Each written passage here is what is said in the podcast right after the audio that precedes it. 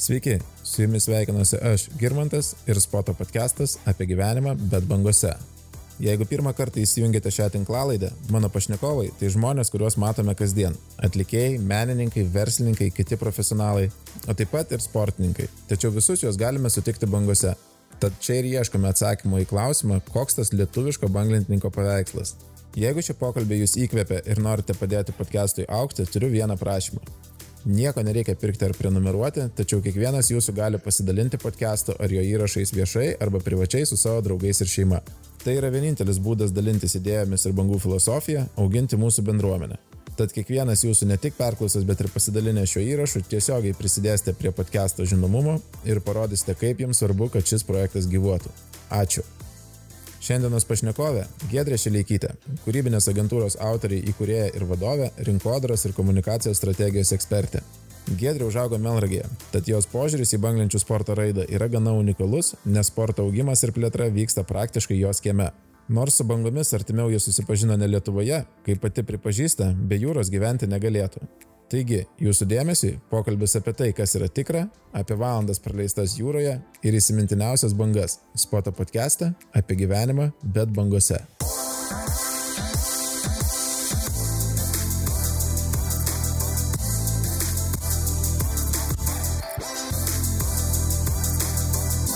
Labas, Gedrė. Labas, Girmantai. Kaip tu jautiesi visoje pandemijos akivaizdoje šiandien? Turbūt turėčiau sakyti, kad e, labai gerai, nes e, mano visa pandemija ir karantinas yra leidžiama prie jūros, pajūrio pašonėje. Tai nelabai turiu ko skustis. Tai e, pandemija ir karantinas man leidžia daugiau laiko praleisti ne mieste, o pajūryje. Tai turbūt turėčiau makabriškai skamba, bet būti dėkinga karantinui už galimybę dirbti pajūryje. Dirbti nuotoliniu būdu. Taip. Pajūryje turbūt daug laiko galėjai bangose praleisti. Sezonas tikrai neprastas buvo. Ar daug lipai į jūrą? Um, paskutinės mano tikros bangos buvo turbūt vasario mėnesį Fuertei, Fuerteventūroje. Lietuvoje mm, pasurfinti teko tik šiek tiek, nes atvykus į pajūrį aš susirgau koroną. Praleidau praktiškai mėnesį uždarytą ir kai jau galėjau išeiti ir būti bangose, tai čia buvo rugsėjo mėnesio pati pradžia, kaip visi žinome, bangų nebebuvo. Tai mano sezonas yra pakankamai šiemet skurdus, bet niekada negali žinoti, gal naujųjų metų išvakarės atneš dar kokią galimybę. Tai turim, taip sakant, pirmą įrodymą, kad, kad koronavirusas egzistuoja, nes babutė sako, kad tik tais pažįstamų pažįstami serga, bet niekas nepažįsta ne vieno žmogaus, kuris iš tikrųjų buvo susirgęs. Bet gal paliekam, paliekam tas neigiamas emocijas už mūsų, e, šnekam apie jūrą, nes apie tai yra šitas podcastas. Tai kaip ir minėjai, leidai daug laiko prie jūros ir gal tiesiog papasako, kaip, kas yra jūra tavo, tavo gyvenime, e, koks tavo santykis yra su, su jūra, su vandeniu. Tai jūra man yra namai, nes aš gimiau Melragėje, mano vaikystė vyko ten, kur dabar yra pagrindinis šalies surferių spotas, kur renkasi žmonės gaudyti bangų, leisti laiko, mokytis gaudyti bangų. Tai aš ten leidau savo vaikystę, aš gyvenau Klaipedoje. Šiuo metu gyvenu tarp Vilniaus ir Preilos esu gyvenusi Kiptaune, tai mano gyvenimas ir namų aplinka visada buvo prie pat vandens. Tai mano gyvenimas turbūt taip ir skirstosi į tą karjeros ir tokį asmeninį, nežinau, aistros gyvenimą, kuris yra prie vandens, o profesinis paprastai yra Vilniuje, sostinėje arba kitose miestuose, kurie santykio su vandeniu netiek daug ir turi. Mhm. Užsiminė, kad augai Melnragėje ir, ir augai, reiškia, būtent ten, kur dabar vat, visa ta surfo kaip čia pasakyti, lopšys, reiškia, lietuviškos surfo kultūros ir viso taip, taip. ko. Kaip, e, kaip tavo akimis atrodė ta visa evoliucija, galbūt e, tiek melragės pačios, tiek, tiek ir tos banglenčių kultūros, nes vėlgi tu turbūt vaikystėje turėjai savo matymą ir įsivaizdavimą, kas ta melnragė yra ir kokios ten tos bangos būna ir dabar tas požiūris turbūt yra evoliucionavęs, pasikeitęs. Mm, pokyčiai yra be galo didelė, sakyčiau, tokie esminiai, nes nepaisant to, kad mes gyvename prie jūros, vienintelis mūsų santykis su jūra buvo per e, žvejybą, e, pasivaikščiojimus arba vasaros sezoną, tiesiog leidimą laiko prie jūros. Apie bangas, man regis, netgi mes, pajūrio žmonės, kurie gyvename prie pat jūros, Aš nesu girdėjusi diskusijų apie tai, ar yra bangų, kokios yra bangos, ar kada čia bus tų bangų, nes tai dėl istorinės tradicijos ir atminties natūraliai tai nebuvo mūsų akiratyje. Tai uh, aš bandau įsivaizduoti, kaip galėjo viskas atrodyti, jeigu apie bangas mes būtume samprotavę tuo metu, kai aš buvau visiškai vaikas ir kaip atrodytų, nežinau, mano surfinimo įgūdžiai šiuo metu ir santykis su vandeniu, jeigu aš būčiau tai dariusi nuo pat mažų dienų. Tai uh, mes įdavome rinkti gintarų, e, lipdavome žvejoti e, ant molo akmenų. Aš esu įkritusi į tarpą tarp molo akmenų, kurie tuo metu dar nebuvo taip tankiai uždengti. Tai to gyvenimo prie jūros buvo daug, bet jis atrodė iš esmės kitaip. Surferių kultūros nebuvo, mano, mes nežinojome net turbūt, kas, kas tai yra.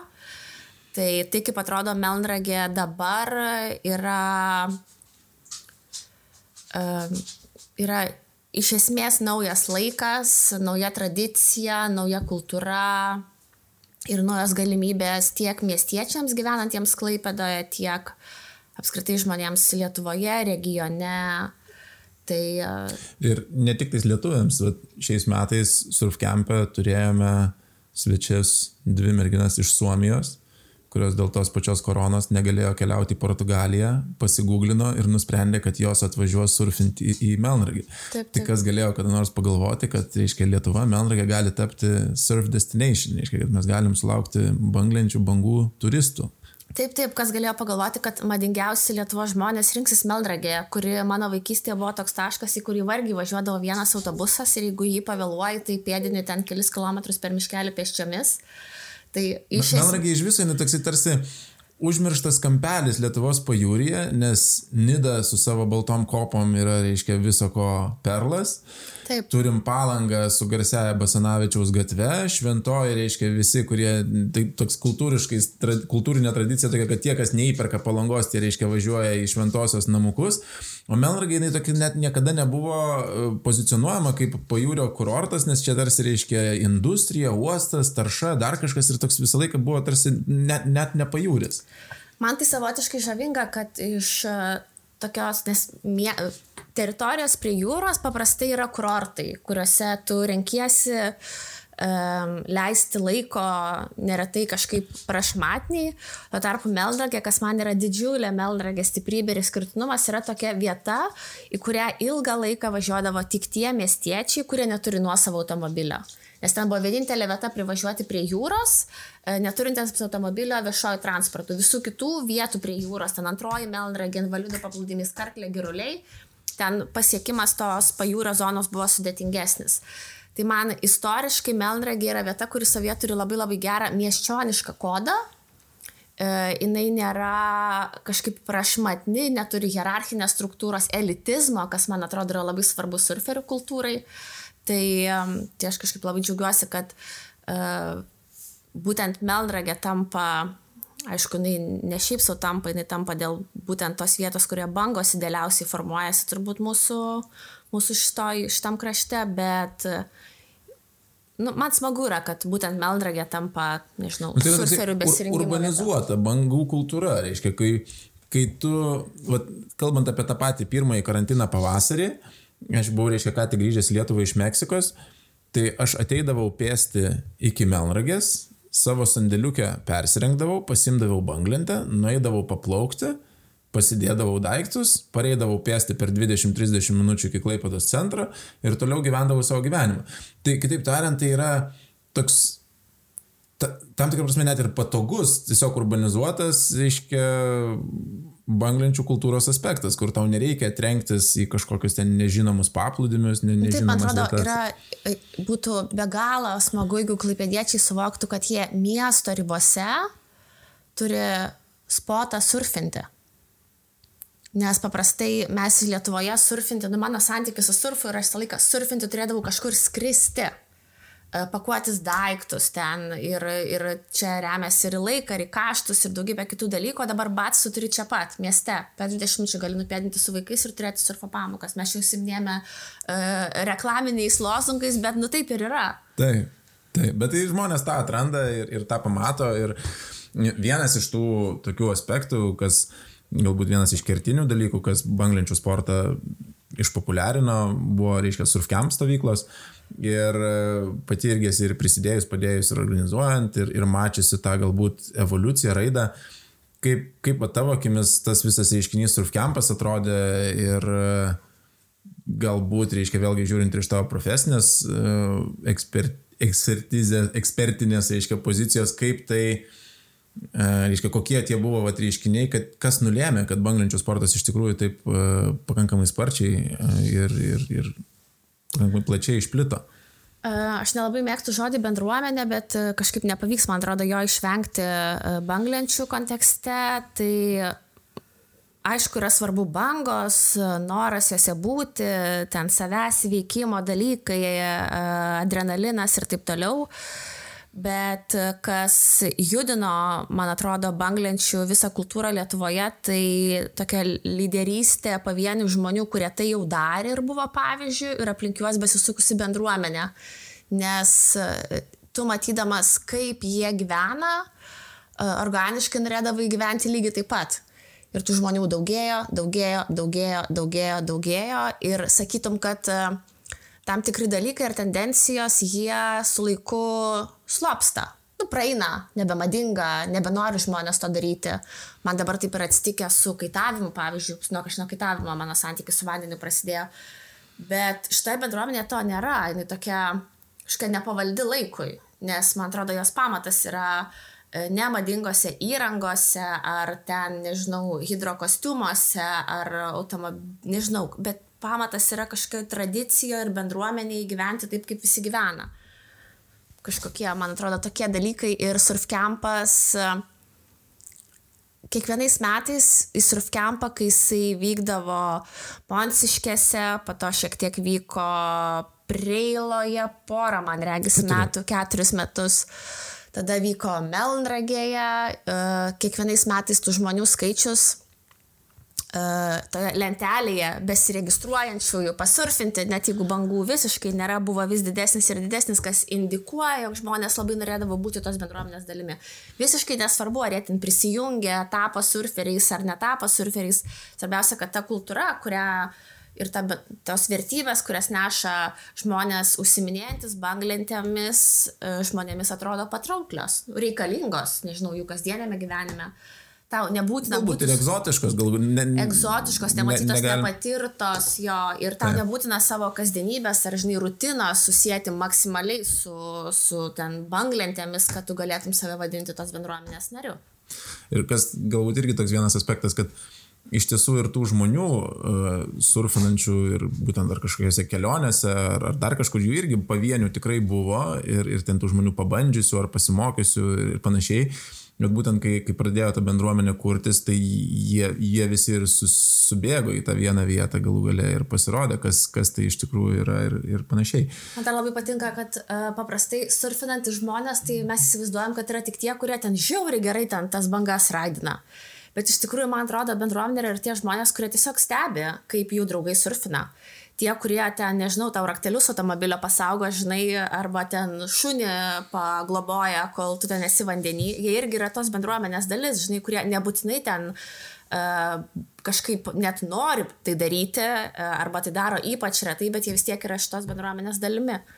Gerai, bet jeigu dabar pasižiūrėti į bendruomenės individą, mhm. vat, tau, tu ir banglentės, aiškiai, nežinau, jeigu atsimeni, kur buvo tavo pirma pažintis su bangomis, su banglentėmis, kaip, kas, kas yra tie vat, vertybiniai dalykai, apie kuriuos mes šešnekam, kas tavo gyvenime vat, atnešė, pastatė į kampą banglentę ir, ir jinai ten liko?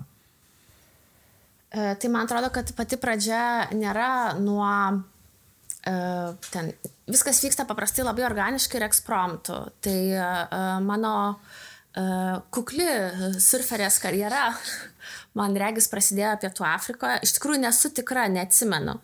Bet aš iš pradžių kaitavau E, ir tada bekaituojant, nes ne visada tam yra sąlygos, e, o prie vandens tiesiog būti nesinori, e, aš pabandžiau surfinti.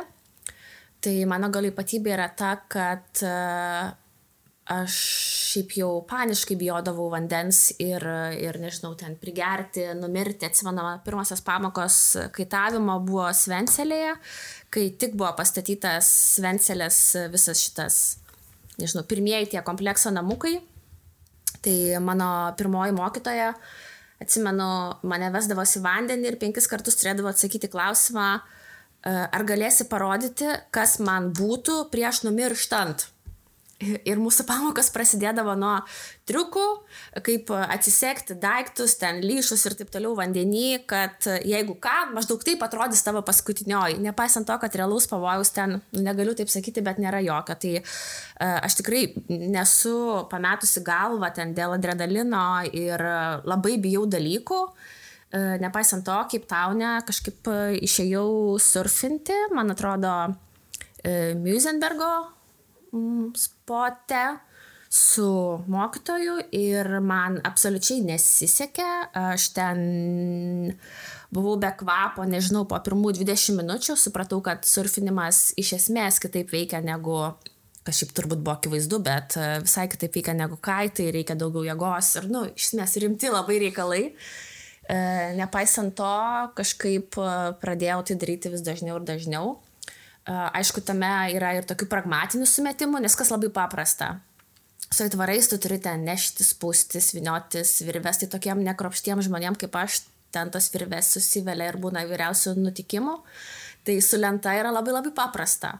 Nu, lyšo nesupainiosi, kad reikėtų po to 3 valandas jį atpainioti, žinai, tai man kažkaip tas priemonių surfinti minimalumas, man atrodo, irgi buvo vienas iš motyvų, kodėl aš pradėjau tai daryti vis dažniau. Uh, Tai va, o tos vertybės, tai jas matyt kažkaip įsivardini vėliau apmastydamas, kodėl tai yra tavo gyvenime ir kodėl kintant aplinkybėms gyvenime, nes jis kinta. Čia nėra vienerių ar dviejų metų tradicija, aš tai darau jau kurį laiką. Tai tos situacijos gyvenime kinta, kinta kontekstai tavo gyvenimo vietos, bet lentos išlieka. Tai tada keli klausimą, kodėl. Uh, tai, tai matyti yra dėl kažkokių vertybinių dalykų, dėl to, Nu, ir pir, pirma, dėl poreikio vandenį, kuris man yra gyvybiškai svarbus, man e, reikia būti prie vandens ir būtent prie, ne prie ežero ar upės, bet prie jūros ar vandenino. E, aš jaučiu kažkokį, nežinau, pasėmimą energijos ir didžiulius mainus. Yra žmonės, kurie gauna energijos iš kitų žmonių ar, nežinau, kalbėjimo auditorijai, tai aš gaunu iš jūros, vandenino. Tai šitie dalykai, o grįžtant prie vertybių, tai nežinau. Nu, laisvė, e, laisvė, e, toks, nežinau, pagarba e, vandeniui ir smėliui ir, ir gamtai kažkaip tu labai pamatuoji savo mažumą ir kiek tu gali, tai man šitas vertybiškai yra labai svarbu nepamiršti, kiek iš tikrųjų tu mažas esi ir kiek mažai tu gali. Čia tai... būna dažnai mokinių yra tokia kategorija, kurie įsivaizduoja, kad, va, čia, kad ir Lietuvoje neišeina mokytis, čia reikia labai didelių bangų, vamzdžių, tūbinančių, visko dvimetrinių, bet kai susiduria su ta 15 cm putelė prie kranto, tai labai greit visi žmonės pasijaučia mažais ir pažeidžiamais ir, ir pamato savo reikšmingumą tai, tame, taip, tame kontekste. Tai man kiekvieną kartą, kai aš pamirždavau ir jau ten yra, nežinau, patyrę uh, surferiai, kaip tu turbūt jau jūs jau kažkaip atsipalaiduojat vandenyje, tai mano kiekvienas atsipalaidavimas vandenyje baigdavosi tokia, nežinau, nesėkmė, nes tu įsivaizduoji kažkaip, kad jau čia, jau čia lengvi reikalai ir kiekvieną kartą gauni per, per kepurę, nes nėra lengvų reikalų, kur tu esi santykės tokio gale, žinai, kaip, kaip vanduo. Stichija. Stichija. Tai yra stichija. Taip, taip, taip, tai tą labai svarbu atsiminti ir man čia yra tokios geros pamokos, kad uh, geros pamokos gyvenimui, kasdienai, kurios kažkaip uh, pastato į vietą dalykus. Prie Afrikos noriu sugrįžti truputį. Ir, ir pradžioje minėjai, kad gyvenai kaip taune ir, ir dabar pasakoji apie, apie pirmasias bangas Afrikai, būtent pataisyk, jeigu klystu, bet man susidarė įspūdis, kad būtent Afrika kaip taunas ir, ir ne tik dėl vandens, bet ir savo kultūra padarė didelę įtaką tau ir, ir tam kelis metus užėmė tam tikrą, tam tikrą svorį tavo, tavo gyvenime, tavo kasdienybėje. Ir iš kitos pusės žiūrint ir tas e, banglenčių sportas, kaip ir sakei, tai yra užsiemimas, kai reikia skristi, reikia kažkur, reiškia, keliauti, ieškoti ten tų naujų bangų ir, ir tas kultūrų pažinimas jis irgi yra toksai tarsi subproduktas bet tuo pačiu tai yra labai didelė banglenčių sporto dalis. Koks buvo tavo santykis vat, su Cape Townu, su Afrika, ką tu iš tenais parsivežiai savo ir, ir, ir dėl ko tenais reikėtų važiuoti kitiems? Um, Cape Townas um, yra vieta, kurioje Natūralu, kad surferiai ne tik surfina, jie visai mėgsta gardžiai valgyti, e, nueiti į kiną e, ar, nežinau, net nusipirkti naujus batelius. Tai labai dažnai e, tu surfini tokiuose dikynėse, kuriuose yra vienas alubaris ir visada tas pats meniu tai tas visai žavinga, bet kaip taunas priešingai negu šita dikinė yra vieta, kur tu gali surfinti ir kartu turėti visą miesčionišką kultūrą. Kaip taunas yra vieta, kurioje yra pagrindinis šio laikinio meno muziejus viso, visos Afrikos. Kaip tau net tu gali žiūrėti arthausinį kiną, yra puikūs restoranai. Tai man labai tiko dermė miesčioniškos kultūros, didelio milijoninio miesto ir gebėjimo čia pat surfinti. Aš esu tikrai, tikrai žinau, kad tokių vietų yra ne viena, bet man kaip taunas buvo, uh, nežinau, taip, taip susiklostė, kad aš ten atsidūriau ir man labai labai tiko. Um, ir ilgiuosi kaip tauno kiekvieną dieną. tai nu, nuostabi vieta. Uh, Afrikos kultūra apskritai yra vėlgi labai energinga, gyvybinga, spalvinga. Um, turi turbūt, mes žavime žmonėmis, kurie turi savybių, kurių mes patys neturime.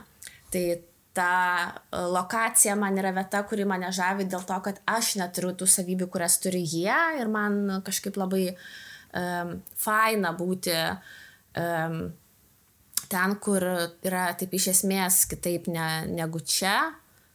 Tai Tai vėlgi, jeigu ne kaitai ir surfas, aš niekada ten nebūčiau atsidūrusi. Aš važiavau ne darbo reikalais, aš važiavau ten ir dirbti, bet mano pirminės pasirinkimas, kodėl aš ten vykau, buvo būtent van, van, vandens sportai. Su visu tuo atėjo vėliau ir kiti dalykai, ir įsitraukimas į Afrikos uh, dizaino projektus, ir, ir konferencijos, ir taip toliau, ir taip toliau, ir bičiuliai, bet pradžia yra per, per, per, per, per vandenį, per, per vėją ir bangas. Bet iš šitos pusės tai galima pasižiūrėti ir tų įvairių kurortų, galima sakyti, pajūrio įvairių turistų krypčių raidą.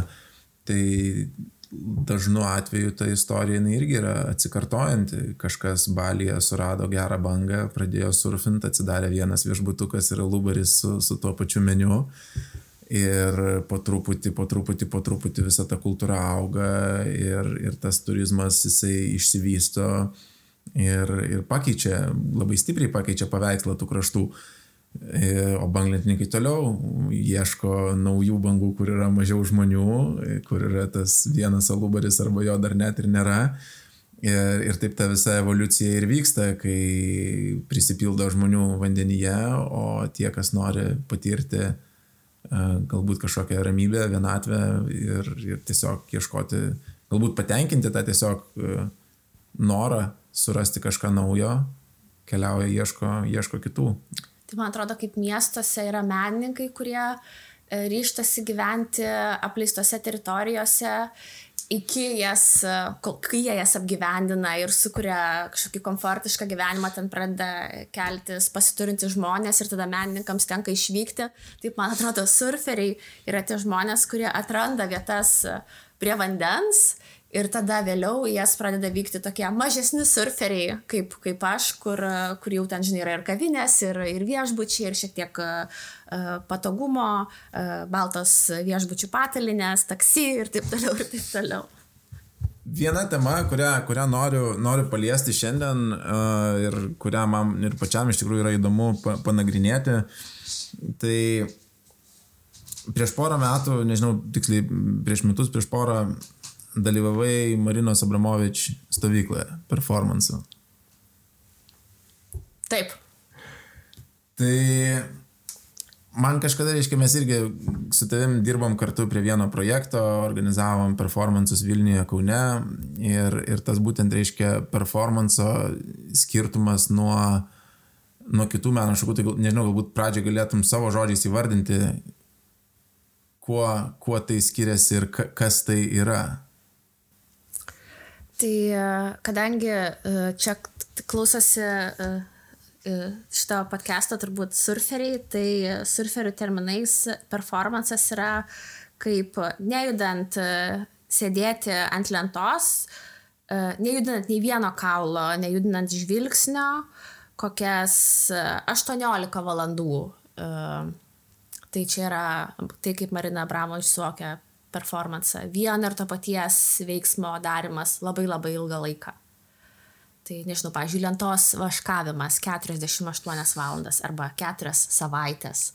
Bet taip e, nepertraukiamai su ta pačia dinamika, ta pačia energija, e, ta pačia apranga. Tai čia yra performances, kaip jį suvokia Marina Abramovič. Performance dabar supranta visiškai kitaip, bet aš kadangi buvau Marinos Abramovič stovykloje, tai uh, šitas apibrėžimas yra taip, kaip, kaip jį suvokia. Ir kuo performances skiriasi nuo teatro, tai e, performances irgi yra vaidinimas. Vienas žmogus ar keli žmonės kažką vaidina auditorijai realiu laiku, tik skirtumas yra tas, kad teatre jie imituoja ten ašaras, skausmą, nežinau, džiaugsmą, tuo tarpu performance viskas yra tikra. Tai jeigu mes teatre matome e, e, vietoj kraujo ten, nežinau, dažus, Tai performanso mene, taip kaip jį suprato Marina Bramovič, mes matysime patį kraują ir veikiau, veikiausiai paties menininko.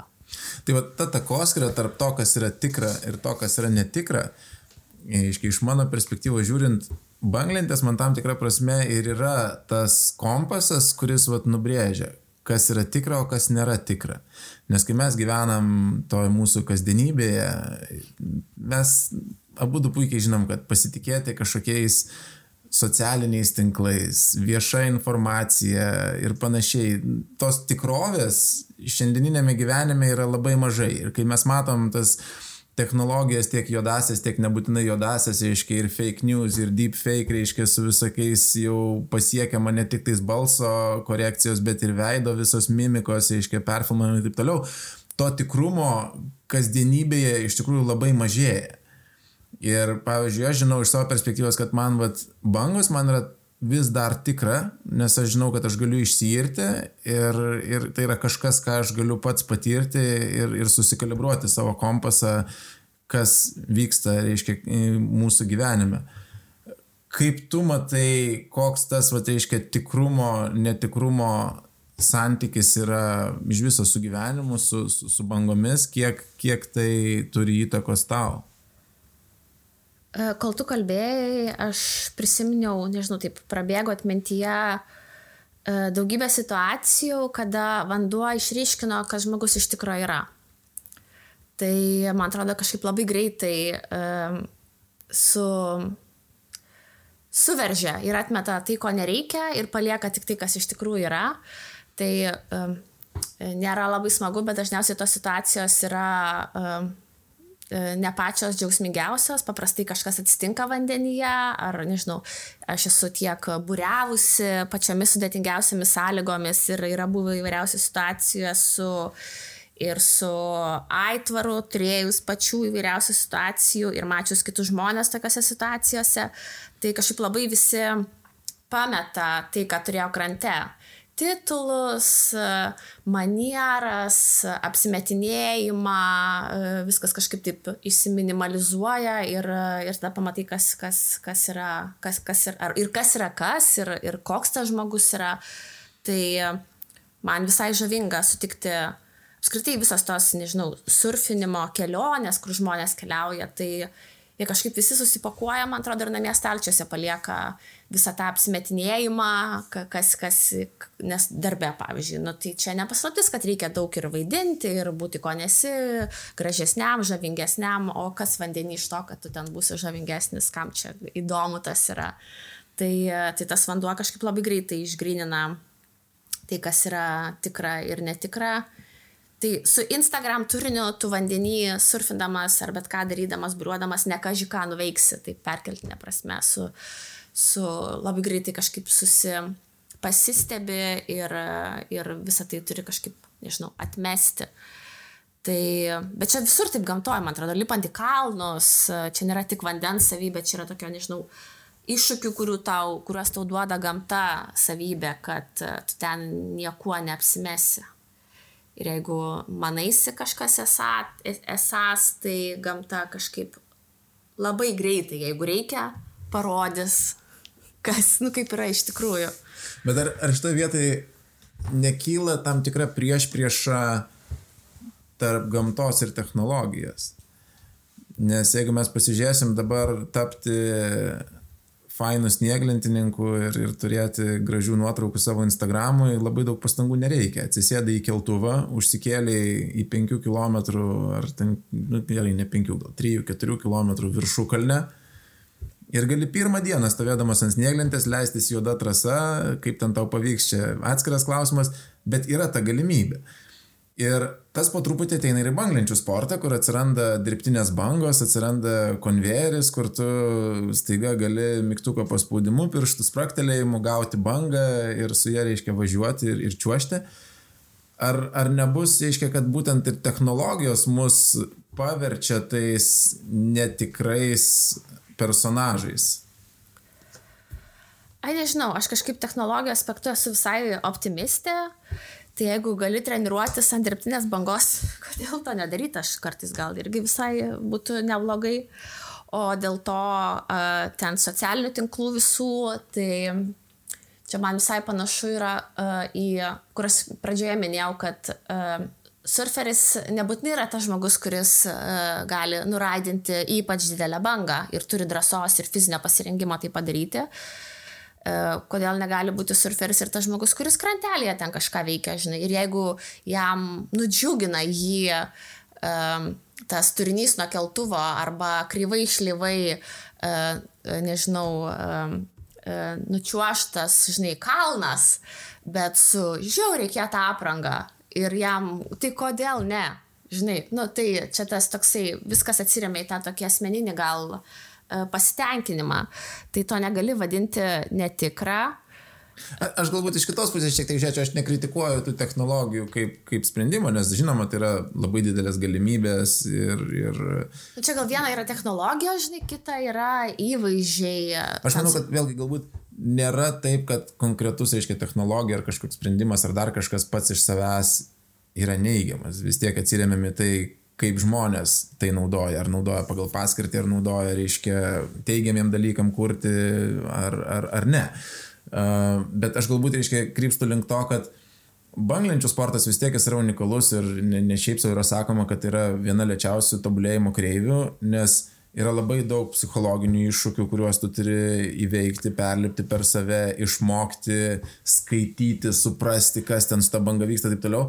Ir šalia to yra lygiai tiek pat fizinių iššūkių, kad tą bangą o, pagautum. Taip. O taip, tai man atrodo, surfinimas šiaip jau yra tikrai žiauriai sudėtinga. Tikrai reikalauja belė kokio gero fizinio pasirengimo, bet uh, man labai patinka tas vėlgi, kad tu supranti, kiek dar tau reikia padirbėti, kad tau pavyktų, kiek dar ir dar kartų tau reikia padaryti veiksmą X ar Y, kad tau pavyktų, kiek kartų tau reikia išlipti išsekus iš to vandens ir pažadėti, kad daugiau niekada nelipsi, kad vėl ir vėl įliptum. Tai e, darbe viskas pasidaro gerokai greičiau, o čia viskas vyksta be proto lietai. Čia tas, kur sako, viskas yra apie valandas praleistas vandenyje. Tai aš save šimtą kartų klausiau, nu, tai kad aš jau labai daug valandų praleidau tam vandenį, kiek dar reikės, kad man pavyktų vieną ar kitą. Tai reikės, nu, tiek, kiek, kiek reikės, žinai. Tai aš to turiu atsakymą. Visą gyvenimą galim, valandą. galim paskaičiuoti, jo. Ne, čia pusiau jokiais, pusiau rimtai, bet iš tikrųjų, va, įsivaizduokim dabar, jeigu tu pradedi mokytis plaukti banglintę, Taip, ateini į dviejų valandų pamoką, taip. Kiek bangų pagausi per dvi valandas su instruktoriaus pagalba. Na, jeigu tave stumteli, gal kokią vieną ir pagausi. Nu, daugiau, nu kokias aštuonias. Per dvi, per dvi valandas, nu tikrai galima pagauti. Tai aš ten- per pirmą pamoką per dvi valandas, man atrodo, net nulio nepagavau. nu, bet tarkim, tebūnė aštuonias bangas. Taip, taip. Tai reiškia, kiek kartų, kiek laiko pačiuošiam bangos, nu, po kokias penkias sekundės. Tai mes turim sumoji, reiškia, 40 sekundžių yra tavo efektyvus laikas, kai tu ugdai savo įgūdį ir iš tikrųjų čiuoži banga. Tai jeigu mes dabar tą patį pritaikytume futbolui, ateini į persirengimo kambarį, apsirengi, užsiriši batus savo būcus, išbėgi į aikštelę, padarai apšilimą, 40 sekundžių treniruojasi futbolą ir tavo treniruotė baigėsi. Grįžti antrą dieną, padarai viską tą patį, o stadiono nėra. Tiesiog, žolės tą dieną nėra ir tu treniruotis negali. Ir tas procesas išsitempia.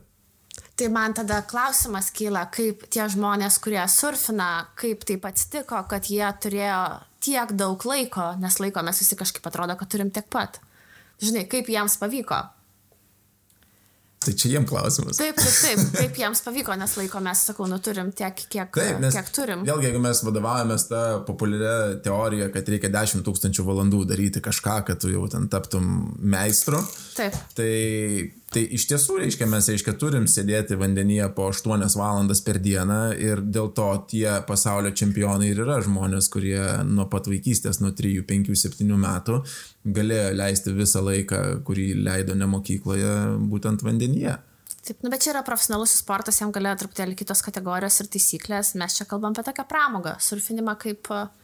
Bet Kaip- pramogai užtenka ir pirmos valandos, nes ir tos penkios sekundės paleidus, paleidus lentą ir jaučiant, kaip skrendi skrajojančių kilimų, tai tikrai sukelia ir, ir hormonų audras, ir, ir emocijų audras. Taip, taip.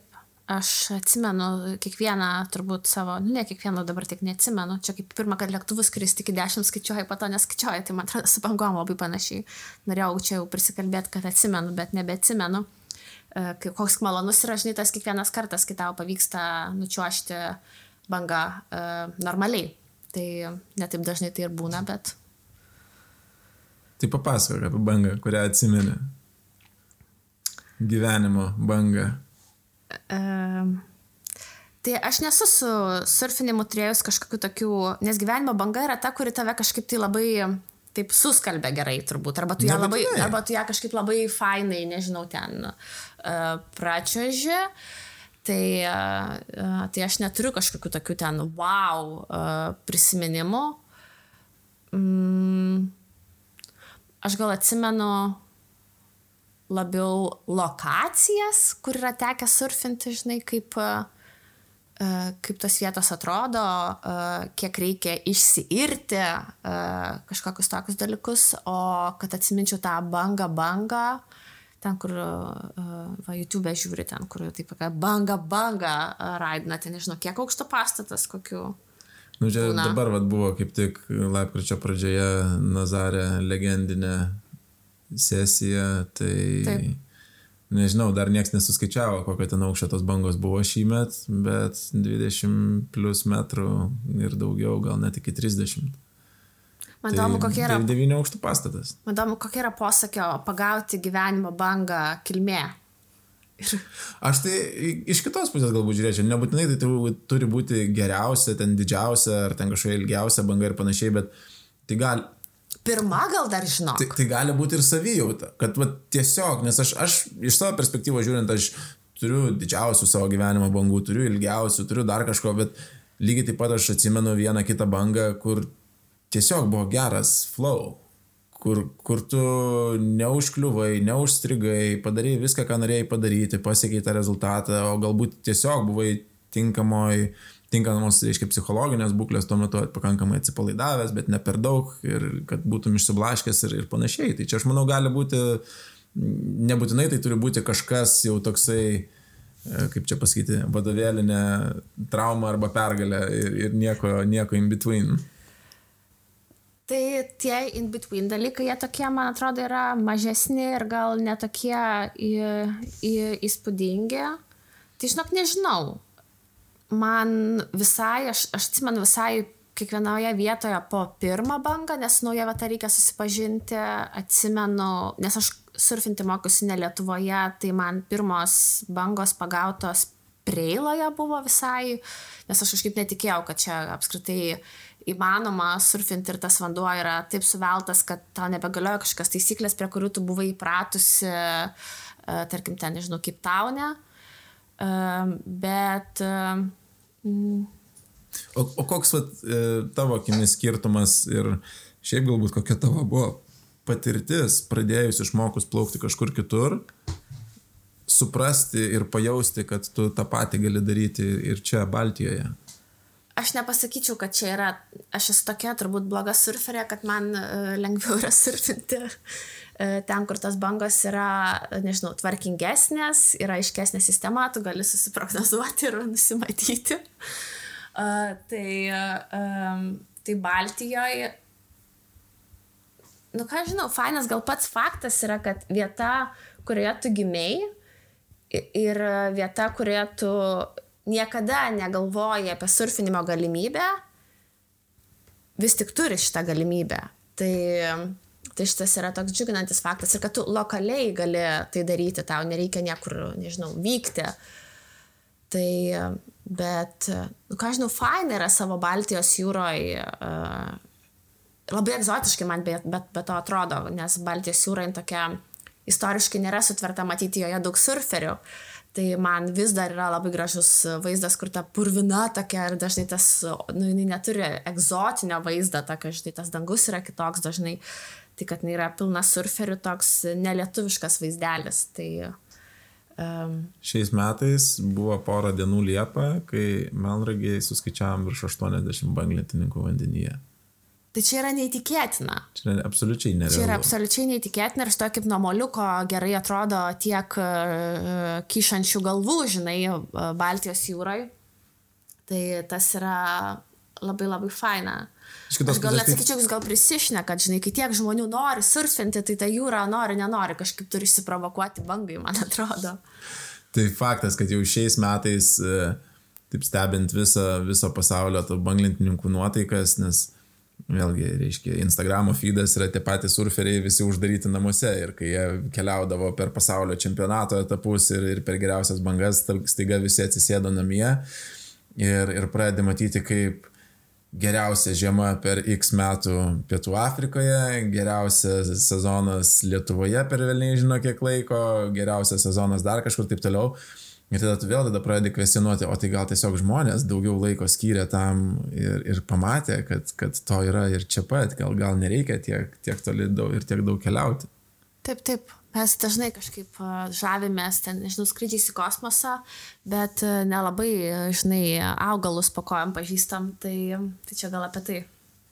O kaip tavo tiek tas tikrumas mūsų aptartas, reiškia tiek, tiek visos tos patirtis e, vandenyje, kiek jos daro įtakos tavo, tavo kasdienybei, tavo profesiniam gyvenimui, kiek tai atneša naudos ar kaip tik e, žalos pridaro ir kaip tai, kaip tai koreliuoja su tavo profesija surf, apskritai buvimas prie vandens ir surfinimas yra uh, viena, tai čia nieko nenustebinsiu pasakydama, kad tu tiesiog ilsiesi ir išsivalai galvą, kuri labai dažnai yra perteklinė, tavyje yra labai daug nerimo uh, ir, ir kažkokių, nežinau, nerimastingų minčių, tai vieniem bėgimas, kitiem kažkokie kiti dalykai, tai surfinimas yra vienas iš tų, kur tu kažkaip išsinulini ir vėl gali startuoti. Kartu man labai patinka mano žioplumas santykėje su vandeniu, nes karjeroje tu nelabai gali savo to leisti, iš tavęs visi tikisi maksimalaus profesionalumo, jokios klaidos ir gink dievę apie tai nekalbėti garsiai.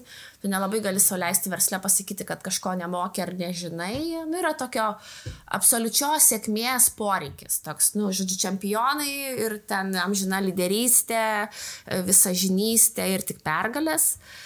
Tai e, mano turbūt psichologinė struktūra yra tokia, kad man patinka iš prigimties nežinoti ir nemokėti dalykų Tai kadangi aš karjeroje negaliu savo to leisti, bent jau viešai, tai uh, buvimas vandenyje, surfinant ar kaituojant, man kiekvieną kartą leidžia prisiminti savo tą tokį nežinojimą ir, nežinau, žioplystę, uh, menkumą, uh, tokį, nežinau, uh, silpnumą, ko, ko neleidžia verslas. Tai um, Tai šitai ir man atrodo kažkaip man, mano psichikai visai, visai šitai yra sveika, leisti savo tiesiog nesusigaudyti, nežinau kaip čia elgtis, uh, pridaryti klaidų, kur ten, nežinau, atrodo, nėra kur jų daryti, nes aš esu pridariusi jų labai daug. Esu, pavyzdžiui, vidury vandenyną nusprendus, kad man per daug žyba vanduo ir aš nebeieškosiu čia šitos e,